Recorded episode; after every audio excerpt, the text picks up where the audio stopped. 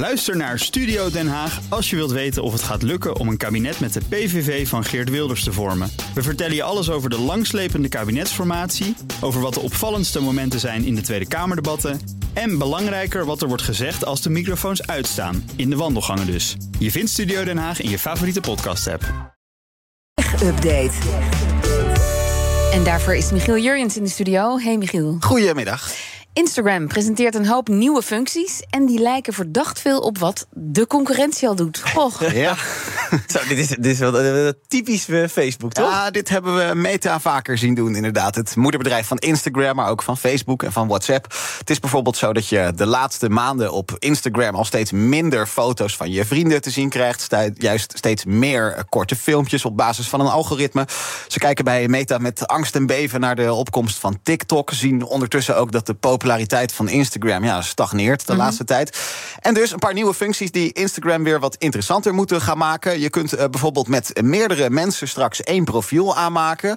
Dan kun je daar met z'n allen foto's op video's op ah. plaatsen. Het wordt mogelijk om korte tekstberichten te delen die dan 24 uur blijven staan. Dat kan toch dus nu ook al? Ja, maar ja, ze gaan het dan weer net, net anders implementeren. Dat het er net weer wat anders uitziet. Eh, dat het net wat meer opvalt dan inderdaad ja, een stukje tekst in je story. Want dat, Precies, dat bedoel je inderdaad, dat, dat kan. Maar ze willen dat weer net iets anders gaan doen. En de meest schaamteloze nieuwe functie die heet Candid Stories. En dit gaat misschien bekend klinken. Je krijgt één keer per dag een melding. En dan maak je met beide camera's ah, op je telefoon een foto van wat je op dat moment aan het doen bent. Zodat ja, je kan dan van je vrienden zien waar ze echt mee bezig zijn. In plaats van de gelikte Instagram-werkelijkheid met filters en van alles. Oh jee, dat was precies waar Be Real voor opgericht was. Mm ja, ja, één op één gekopieerd. Dus ja, ze hebben er alleen een ander naampje aan gegeven. Dit heet dan Candid Stories. Maar ja, dit is nou eenmaal wat Meta doet. Zes jaar geleden, uh, concurrent Snapchat werd heel populair door hun stories... die 24 uur zichtbaar bleven. Dat heeft Instagram toen gepikt. Dus achteraf ook wel een beetje de redding van Instagram geweest. En nu proberen ze dus hetzelfde te doen met Be Real. Ik vraag me af of dit trucje nog steeds werkt. Maar ja, over een paar maanden gaan we zien uh, of dat zo is. Ja, maar ik zou zeggen, je zei het net zelf al, de gelikte Instagram-wereld. Daarom ga je naar Instagram. Om jezelf van je allerbeste kant te laten zien. Ja. Dan heb je helemaal geen behoefte aan die eh, realistische check. Nee, nee, dat zou, dat, dat Gaan zou ik ook denken, inderdaad. Maar ja, misschien dat ze het dan weer net wat beter in elkaar zetten dan hoe ze dat bij Be Real doen. En dat dit dan ja, ja, toch weer een aantrekkelijker alternatief wordt. Zou zomaar kunnen. En dan opnieuw een oproep wat betreft de markt voor cryptomunten. Die moet wereldwijd gereguleerd worden. Ja, dat zijn de woorden van Mark Branson. Dat is de president van de Duitse toezichthouder op de financiële markten, zeg maar de Duitse AFM. Uh, Branson is zelf een Brit, die noemt de crypto-industrie een soort speeltuin voor volwassenen. Zelfregulering van de cryptowereld werkt niet, zegt hij.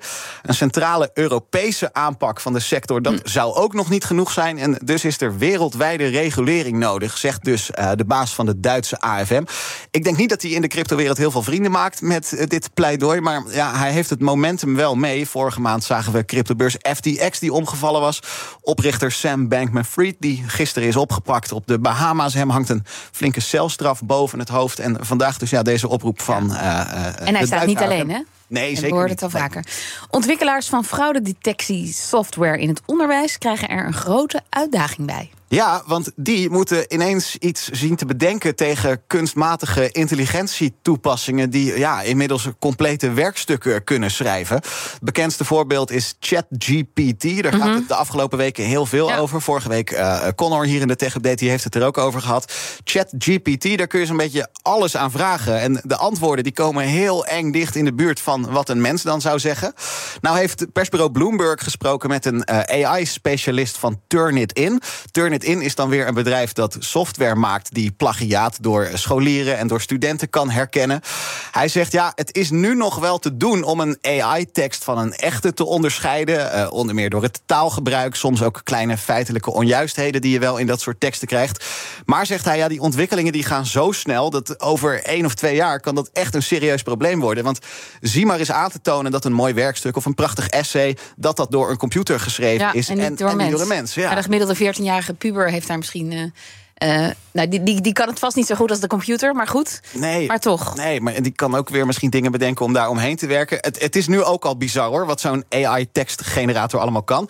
Ik voerde net even hier op de redactie als opdracht in om in een halve minuut uit te leggen hoe de Franse revolutie heeft kunnen ontstaan. En dit is dus het AI-antwoord dat ik kreeg. Een van de belangrijkste oorzaken voor de Franse revolutie was de hoge belastingdruk en de stijgende staatsschuld van Frankrijk. Bovendien waren er grote ongelijkheden in de Franse maatschappij, waarbij de adel en de kerk een groot deel van de rijkdom en macht bezaten terwijl de meerderheid van de bevolking arm en onderdrukt was. Deze onvrede onder de bevolking leidde tot protesten en uiteindelijk tot de omverwerping van de monarchie en de instelling van een nieuwe, democratische regering. Nou, ik, ik zeg toch wel een 7,5 voor Michiel Jurjens uit Haven 4. Ja, ja maar, dit, dit, is dus niet Michiel Jurjens uit Haven 4 geweest, maar een computer. Dat is het bizarre eraan. Ja. Toch denk ik wel, als je dan maar als leraar gewoon een duidelijke vraag stelt, iedereen gaat die vraag invullen, dus je krijgt uiteindelijk toch tien keer dus, hetzelfde werkstuk als je dit dan gebruikt. Ja, dus misschien is de uitdaging voor leraren om de vragen weer creatiever te stellen, dat je dat niet met een AI-tekstbot kan doen, inderdaad. Precies. Ja, ik ben het niet helemaal eens met die democratische regering waar de bot het over had. Maar ja, toch, dit kan al bijna door voor een klein werkstukje. En ja, het zou zomaar kunnen dat, dat plagiaatsoftware daar over een paar jaar niet meteen meer een antwoord op heeft. Dankjewel, Michiel Jurjens. De BNR Tech Update wordt mede mogelijk gemaakt door Lenklen. Lenklen. Betrokken expertise, gedreven resultaat. Ook Harm Edens vind je in de BNR-app. Je kunt BNR Duurzaam niet alleen live luisteren in de app, maar ook terugluisteren als podcast, zoals al onze podcasts. En naast dat de BNR-app Breaking News meldt, houden we je ook op de hoogte van het laatste zakelijke nieuws. Download nu de gratis BNR-app en blijf scherp.